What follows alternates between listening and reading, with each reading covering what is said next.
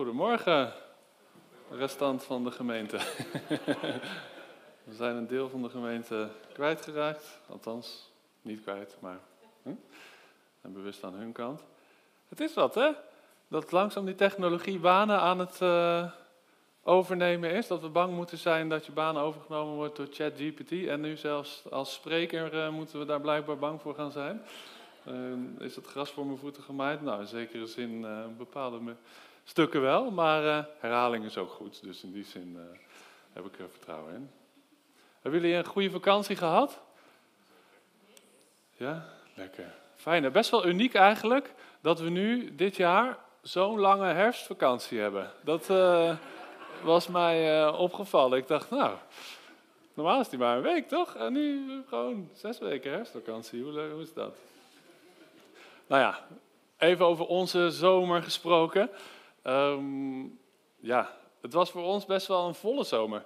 Wij hadden een paar grote vragen waar we over aan nadenken zijn geweest, best wel actief. Um, ik heb een redelijk uh, drukke baan uh, gekregen sinds vorig jaar. Dat houdt me best wel bezig. En we hebben natuurlijk een kleintje gekregen, Vijs, die nu bijna vijf maanden is. Dus ja, we hebben tijd gehad voor ontspanning uitrusten, dat uh, is even niet, uh, geen sprake van, maar dat hoeft ook niet. Daar, uh, we zijn hartstikke blij en we hebben genoeg gelukshormonen om onze wallen te compenseren.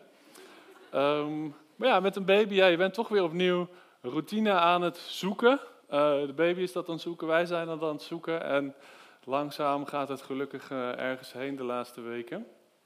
Um, maar ja, dat doet wat met je energie, maar ook wel met mijn leven met God. Hoe geef ik daar nog vorm aan? Uh, als ik uh, s'nachts met een huilende baby in mijn armen uh, sta. Um, kan ik dan nog God aanbidden? Dat was een, um, een vraag. Nou, het antwoord is ja, dat kan. Je kan ook gewoon aanbidden met een baby in je armen. Dat is helemaal niet erg. Sterker nog, van zingen wordt hij ook rustig. Dus, um, maar als het, het even een klein bruggetje naar het thema van de preek die ik in gedachten had. En dat was de titel Still I Will Praise. Dat is een nummer van, uh, even oplezen, Lucy Grimble. En in Nederlands vertaald zegt dat, ondanks dat zal ik aanbidden. Ondanks de situatie, um, zoals die is, in dit geval weinig energie met een baby midden in de nacht. Of andere situaties, nou we hebben er vanochtend zijn er al best een aantal de revue gepasseerd. Ondanks dat zal ik God aanbidden. En daar wilde ik over nadenken met elkaar. Wat vraagt het om God in elke situatie te aanbidden? En waarom is dat eigenlijk belangrijk? En dan bedoel ik met aanbidden, het waarom aanbidden, niet zozeer het zingen van liederen, maar veel meer die levenshouding. Zeg maar de vraag, welke God aanbid jij? Die vorm van aanbidden. Aanbidden als, ik vind die God het belangrijkste in mijn leven. Als een hart waarmee je kiest om te leven voor God. En dat doen we in een leven met grote ups en grote downs. Met hele fijne momenten en in een leven met hele nare momenten. En in beide van die situaties is aanbidding eigenlijk een bewuste keuze dat we zeggen: God, we willen u groter maken dan deze situatie. Als we hele positieve gevoelens ervaren of als we die even helemaal niet ervaren. Aanbidding is dan een uiting van je hart waarmee je eigenlijk prioriteit aanbrengt. Waarmee je zegt uh, tegen eigenlijk in eerste instantie je eigen hart: God is groter dan dit. God is belangrijker dan. En um, ik wil daarover een psalm lezen. Ik vind dat een, uh, dat is psalm 22. Even kijken waar we zijn qua slide. Ja, check. Psalm 22 is een prachtige psalm van David. David gaat door ongelooflijk lijden heen. En David die gebruikt daar in die psalm woorden die Jezus later ook gebruikt aan het kruis. Mike Pilivacci heeft daar prachtig onderwijs over. Die trekt allerlei parallellen tussen de kruisdood en de opstanding van Jezus en deze psalm. De moeite waard om eens op te zoeken. Ik beperk me even tot deze eerste. Uh, maar dat maakt deze psalm niet alleen een voorbeeld voor ons om om te gaan met lijden, maar ook echt een profetische psalm die eigenlijk al um, een heenwijzing doet, vele jaren voordat Jezus überhaupt uh, op aarde kwam, naar het lijden van Jezus. En David die die leest daar, of eh, schrijft, en ik ga lezen. Mijn God, mijn God, waarom hebt u mij verlaten? U blijft ver weg en redt mij niet, ook al schreeuw ik het uit. Mijn God, roep ik overdag, en u antwoordt niet. s'nachts en ik vind geen rust. U bent de heilige die op Israëls lofzangen troont.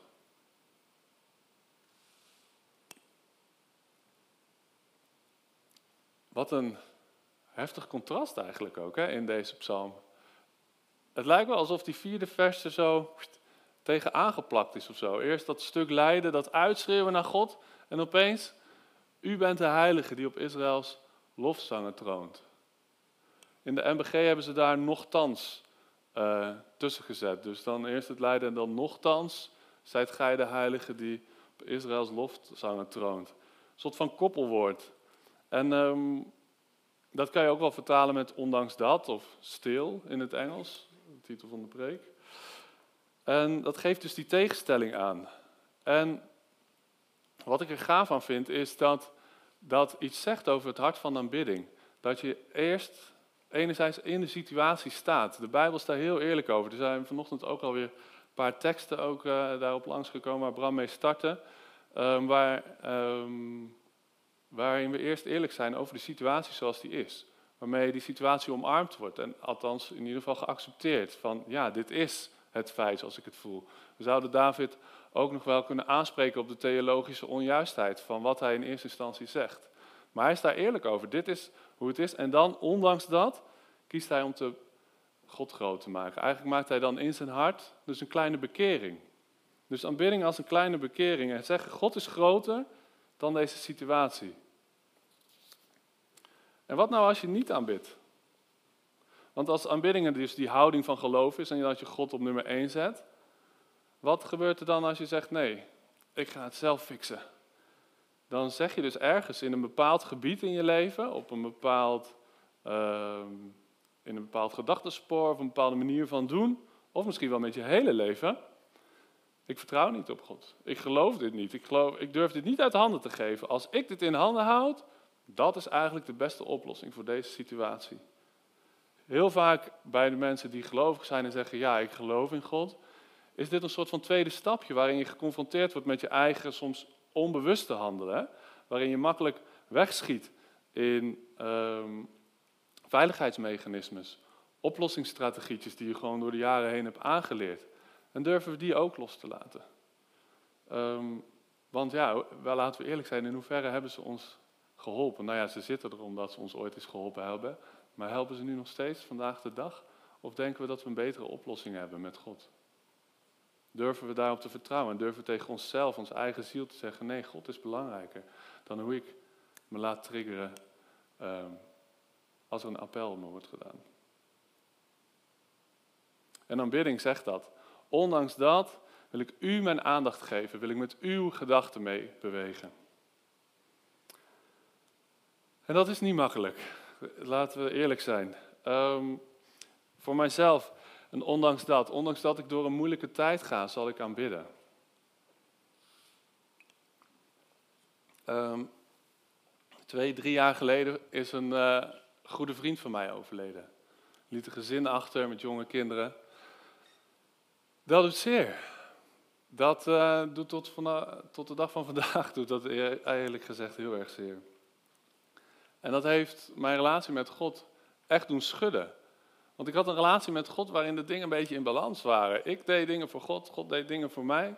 En voor mijn gevoel hield God zich opeens niet meer aan die deal. Het ging niet meer zoals ik had gedacht dat het zou moeten gaan. Dat deed me twijfelen aan wat is dan echt aan dit. Oké, als God die dingen dan blijkbaar ook niet zo doet als ik had verwacht, wat, wat is dan nog de waarde van de dingen die ik allemaal naar God toe deed? Die ben ik gaan loslaten. En ik had allerlei lastige eh, vragen, grote vragen. Ehm, en ergens was er de verleiding om God als een concept te gaan benaderen. Om het concept rondom God, de theorie, de wat is het? Logische onderbouwing van God om daarmee aan de haal te gaan en te zeggen: Oké, ja, dit plaatje moet eerst rond zijn en dan durf ik het hart voor God weer open te zetten.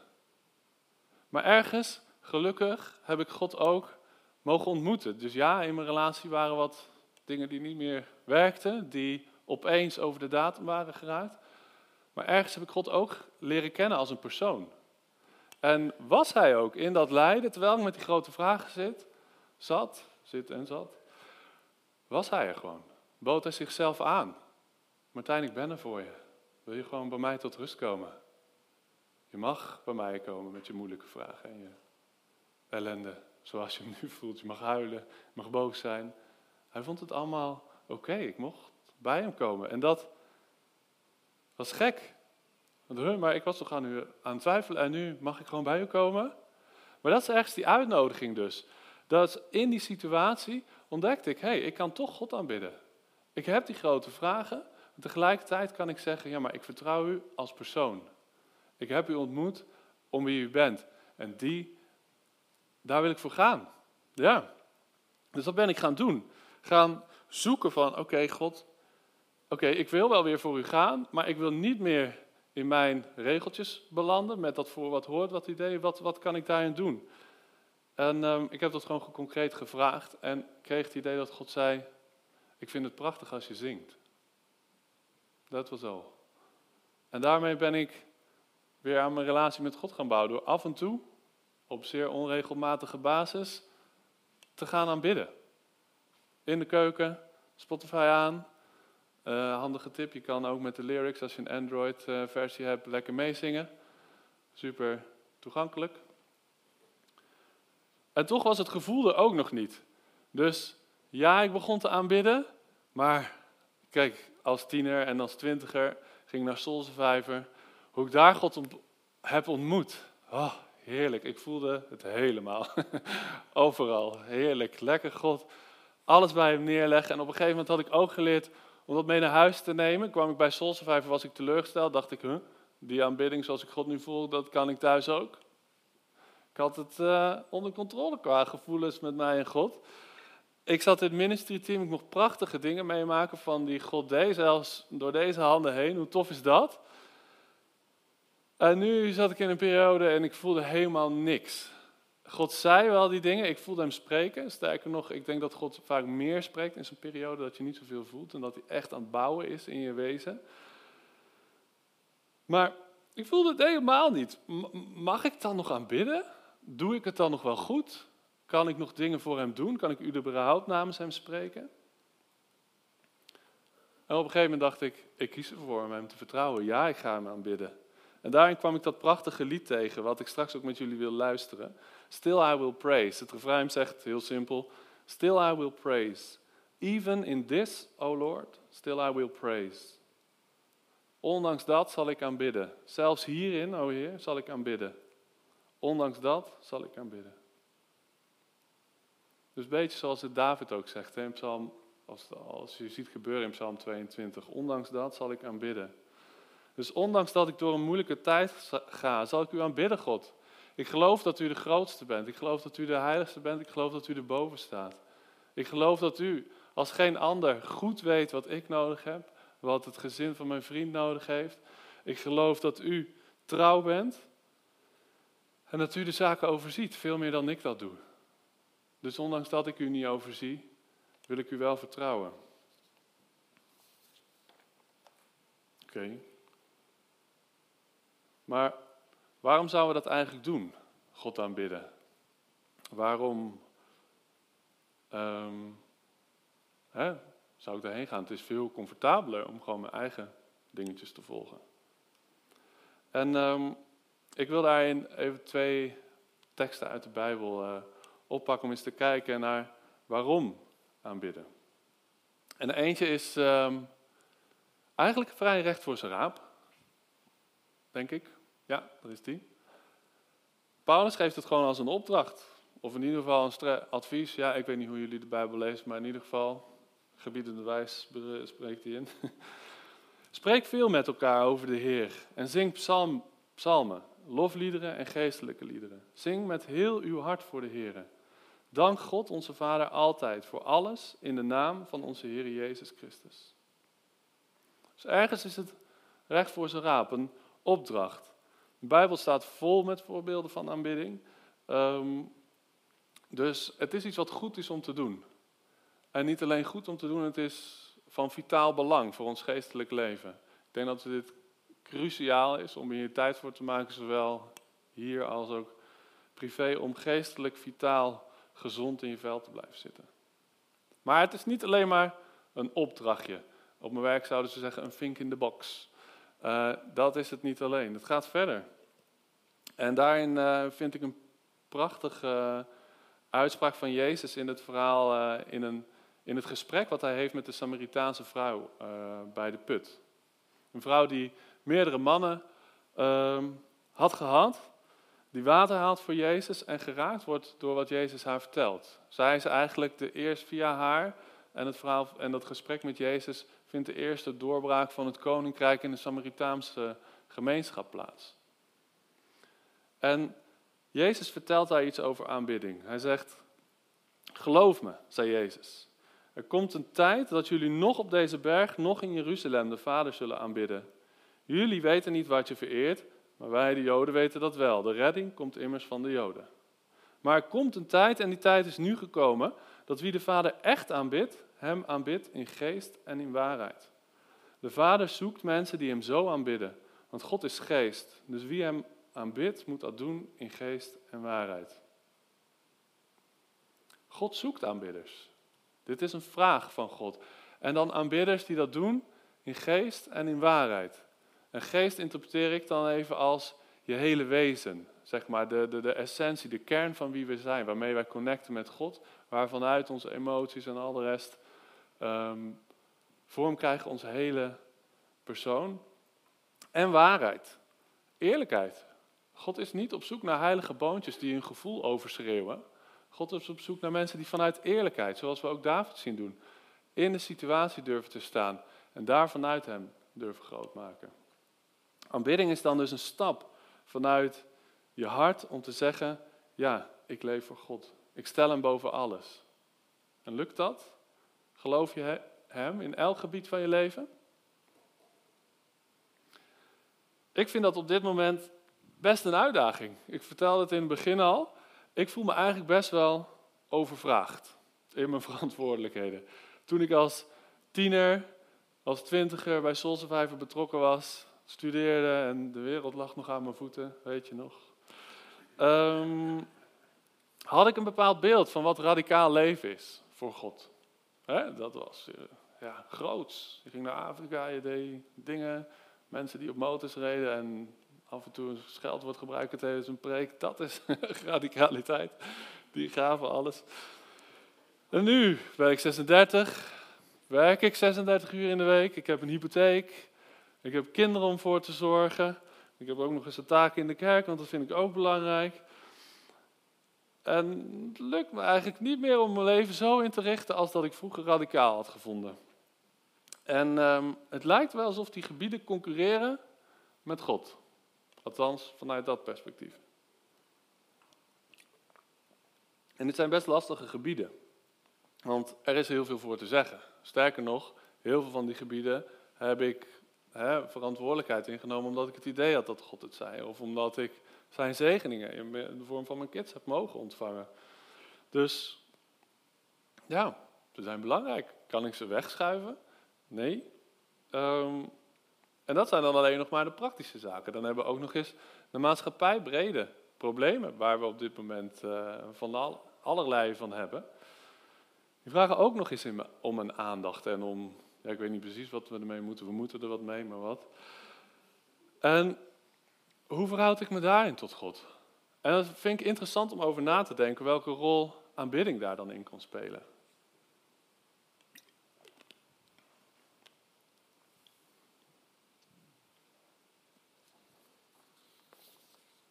Want ik wil daar eens een voorbeeldje van pakken en we hebben hem al genoemd. Het probleem wat veel van onze aandacht heeft gevraagd deze zomer. Ehm, klimaatverandering. En ik wil eens een poging doen om daar naar te kijken. Het is een soort van gedachte-experiment. Wat zou er nou gebeuren als we in eerste instantie God groter maken in ons leven? En ehm, probeer me even te begrijpen. Het gaat niet zozeer om mijn oorzaken- en gevolgredenatie die ik jullie nu ga geven, maar veel meer om, dat, om die mindshift. Van wat zou er nou gebeuren als wij als kerk als wereld God het grootste zouden maken? Wat zou dat voor impact hebben op onze wereld? En durven we dat te geloven? Ik hoop dat het lukt om zo naar mijn gedachten te luisteren. Want klimaatverandering, ja, het weer van de afgelopen tijd, hagelstenen zo groot als uh, golfballen, uh, damdoorbraken. Ik, ik dacht halverwege de zomer, zei ik tegen mensen, weet je, over een poosje gaan we gewoon met z'n allen naar Zweden op vakantie en naar Noorwegen. En twee weken later breken daar dammen door en is het daar ook ellende. Er is een probleem gaande. Ja, en misschien schatten we het iets te zwaar in of iets te licht. Uh, er, is, er gebeurt wat, zeg maar. En daar moeten we wat mee. En voor mij is het heel gemakkelijk om daar zelf mee aan de haal te gaan. Allerlei eigen oplossingen te bedenken. Wat nu als het echt lukt om God onze harten helemaal te laten vullen? Wij met z'n allen, de wereldbevolking. Wat als die helemaal vol waren met God? Wat zou er dan gebeuren met onze ecologische voetafdruk, met onze impact op het milieu? Want ik denk namelijk dat als wij niet alleen Jezus regels, maar ook zijn levensstijl aanhouden, we bijvoorbeeld veel minder spullen nodig zouden hebben. En als onze harten vol waren van Hem, we misschien wel veel meer tevreden zouden zijn met waar we nu staan. En minder zorg zouden hebben en veel meer op anderen gericht zouden zijn.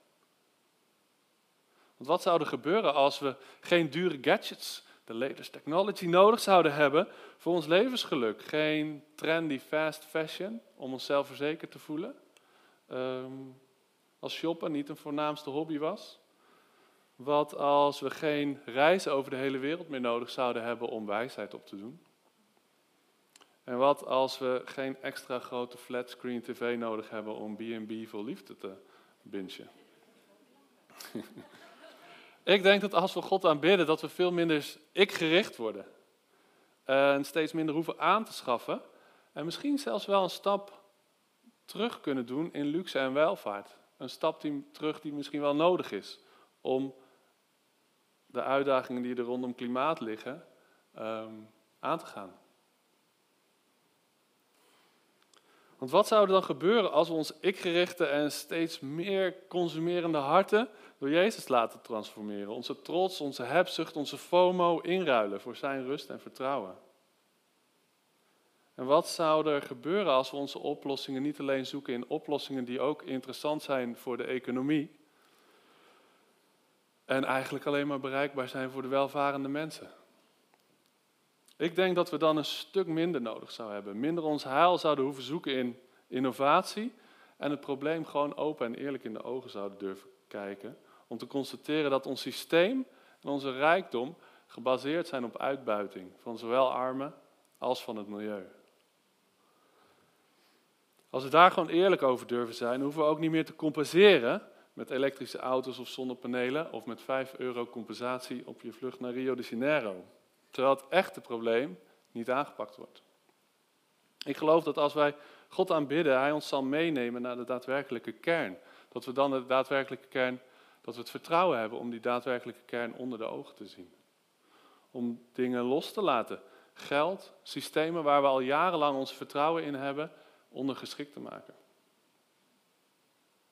Dus wat zou er gebeuren als we met elkaar God echt 100% aanbidden in zo'n specifiek gebied. En eerlijk gezegd, ik kan het niet overzien. Dit zijn maar gewoon wat gedachten waar, wat er gebeurt als ik mijn gedachten loslaat. Want ik probeer ook God niet meer te vangen. Heb ik een poos geprobeerd, dat werkte niet. En ik heb dat losgelaten. Maar ik weet wel, en ik geloof dat als we God gaan aanbidden en groter maken dan alles, dat het goed zal zijn. En daarom kies ik ervoor om God te aanbidden. Zelfs al zie ik alle milieuproblemen om me heen. En daarmee ga ik ze niet ontkennen of wegschreeuwen. Nee, ik doe dat vanuit een situatie van eerlijkheid. Van het erkennen van dit is een probleem. Maar ik weet dat wat God te bieden heeft hoger is. En dit is dan nog maar één zo'n ding. Maatschappelijk probleem. We hebben nog oorlog. We hebben nog de oneerlijke verdeling van rijkdom. Een heleboel. Onderwijs, vind ik ook wat van. Ehm, en dan nog mijn gewone taken. Dat samen geeft best wel een gevoel van overweldigd zijn. Maar geloven jullie met mij dat het fantastisch zou zijn als het ons als kerk zou lukken om God in al die situaties groter te maken en met elkaar te zeggen en elkaar te helpen om te zeggen, ondanks dat zullen wij God aanbidden, ondanks deze situaties vertrouwen we Hem, maken we Hem groter. Dus die uitnodiging van God die blijft staan. Zijn vraag, zijn zoektocht om die ware aanbidders in geest en in waarheid, die staat er. En willen we erop ingaan, ook al is het minder schreeuwerig dan al die andere dingen die ons, soms trouwens letterlijk, ehm, in de vorm van een baby, en in andere situaties gewoon, vanuit het nieuws en waarmee ik allemaal gebombardeerd word. Durven we dat echt te zeggen in ons hart? God is groter. Best pittig. Maar ja, misschien hebben we dan toch dat radicale leven te pakken, wat ik als tiener misschien wat anders had voorgesteld, maar misschien kunnen we toch door die keuze echt radicaal zijn. Dus ondanks dat ik me overvraagd voel, God, wil ik u belangrijker maken, wil ik vertrouwen dat u de schepper bent. Dat u degene was die het maakte, die het ontwerpen heeft, de wereld, en dat u het ook weer kan herstellen, ondanks ons. Dat u wijzer bent, duurzamer dan al het andere. Zo, eerste dienst na de zomer. Even een paar zware onderwerpen beetpakken. Lekker hoor, welkom in de Vineyard. Um, best heftig, dus wel een beetje ook gewoon wat onze zomer getekend heeft. Ik weet niet hoe het bij jullie zat, of jullie lekker uitgetuned zijn geweest. Ik gun het je van harte. Um, en dan is ook wel na de zomer weer de tijd om weer met nieuwe energie en focus te beginnen aan uh, het nieuwe seizoen. Dat is ook wel mijn oproep van vandaag. Van wat nu, hè, uh, om dat te doen en om daarin God um, weer op een nieuwe manier op de eerste plek te zetten. Maar hoe maak je dat dan concreet? Dat was eigenlijk wat ik wilde gaan zeggen, praktisch. Hoe geef ik je handen en voeten aan? Um, ik denk als eerste vraagt het een vorm van discipline. Want al die hele reeks aan verantwoordelijkheden die ik net voor je neerlegde, daar kan ik bij van één van die verantwoordelijkheden kan ik al mijn hele week vullen als ik zou willen. Laat staat het geheel. Um, maar ik denk dat als wij in ons hart zeggen, nee, maar wij, ik vind God het allerbelangrijkste. Als je zegt, dit is het thema van mijn hart, hier wil ik telkens naar terugkeren. Dat het dan gaat komen. Dan kom je vanzelf vormen tegen waarvan je denkt, ja, dit werkt voor mij. En vervolgens is het slim om daar discipline aan te verbinden. Wel vanuit het hart naar discipline, anders ga je het niet redden, denk ik. Wat ik afgelopen maanden heb gedaan om steeds meer concreet te maken van Heer, hoe kan ik mijn relatie met u, die aanbidding vormgeven, is dat in de auto te doen. Gewoon als ik terugkom uit mijn werk, uit mijn werk kom ik nou, ongeveer de helft van de keren met een relatief hoog stressniveau. Zit ik in de auto, ben ik over allerlei dingen aan het nadenken, dingen, mensen in mijn team die dingen anders. En nou, hè? je weet misschien hoe het gaat. En anders uh, ben je gelukkig. um, en ik zet aanbidding aan. En ik gebruik die aanbidding om even heel bewust, en dat is een tweede ding die je kunt doen om het praktisch te maken. Dus ja, neem tijd voor aanbidding. Maar probeer eens bewust in je gedachten God erboven te plaatsen. Je weet wel waar je over aan het malen bent, of wat, bij mij is het malen, of waar, hoe jij dan getriggerd wordt. Maar om gewoon eens bewust die aanbidding te gebruiken en te zeggen: Heer, ik prijs u en ik zet u erboven. Ik vind u belangrijker. Ik doe dat gewoon in mijn gedachten, elke keer zet ik het er weer boven. Dan rijd ik 10 kilometer en denk ik, ik was toch aan het aanbidden. Oh ja, um, weer een nieuw nummer. Ik gebruik weer het nummer en ik zet God er weer boven. Omdat ik wil graag mezelf hierin trainen. Ik denk dat dit werkt. Dat we door dit continu te doen, elke keer Hem te aanbidden in zo'n situatie van stress, van trigger, zo'n ondanks dat. Dat ik daarmee voor mezelf een gewoonte creëer. Een neurologisch pad in mijn hersenen creëer van stresssituatie, God aanbidden. Hoe lekker zou het zijn als dat het uitgesleten pad wordt in mijn levenspatronen. In plaats van, je moet het fixen, kak. Wat, eh, God aanbidden. Um, en mijn uitnodiging is, probeer het gewoon eens. Als je zegt, hoe doe ik dit? Ga het eens deze hele week doen. Pak het moment zoals ik in de auto. Uh, snoep een half uurtje van je tv-kijktijd af, het eerste half uurtje, en begin dan met te aanbidden. Of geef het een andere vorm. Um, en probeer het eens en kijk eens wat de vruchten zijn.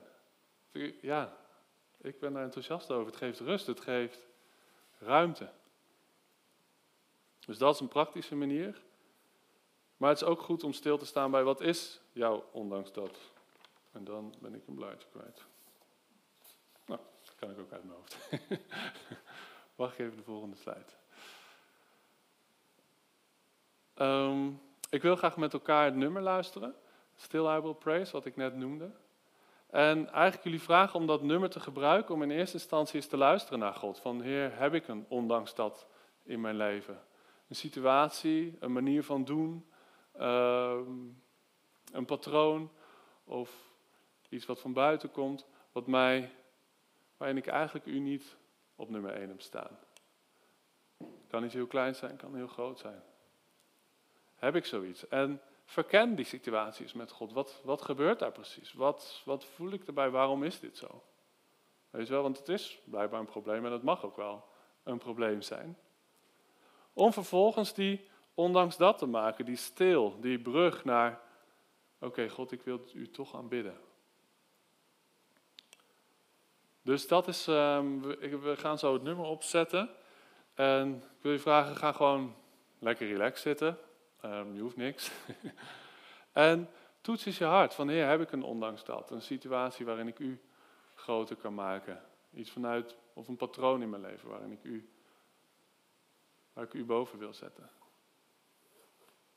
En misschien ben je wel helemaal vol en denk je, woehoe, God is al nummer één. Weet je, heerlijk, geniet ervan. Weet je, en plaats God ook daarboven. Heer, dank u wel voor deze mooie gevoelens, maar u bent belangrijker. Met of zonder mooie gevoelens. U bent goed. En als je het lastig vindt, weet je, uh, hou het vol, het nummer dus vier minuten. Daarna willen we graag met je bidden.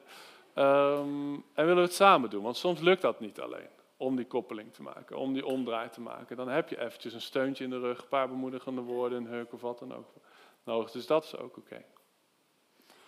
Dus laten we het nummer uh, luisteren. Ik heb de tekst ook op de beamer staan, uh, Johan, Josianne. Dus jullie, als het een beetje lukt om mee te klikken, zou het fijn zijn met ook een vertaling. Laten we die eerste twee coupletten stil zijn. Om gewoon even ook dat ruimte te bieden voor dat eerlijke. Voor het gewoon voelen van zo de situatie zoals die is. En daarna kijken, hé, hey, wat zegt God? Wat wil hij ombuigen? Wie wil hij zijn in deze situatie? En hem dan gebruiken, dat gebruiken om dan te aanbidden. Alright, laten we luisteren.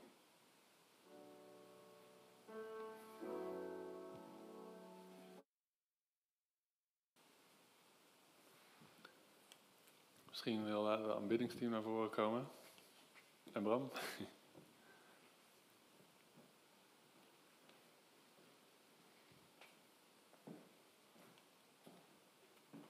God is goed, hè? Het is toch lekker dat we God bij ons hebben. Ondanks al die situaties, dat God zoveel groter is. Weet je, en um,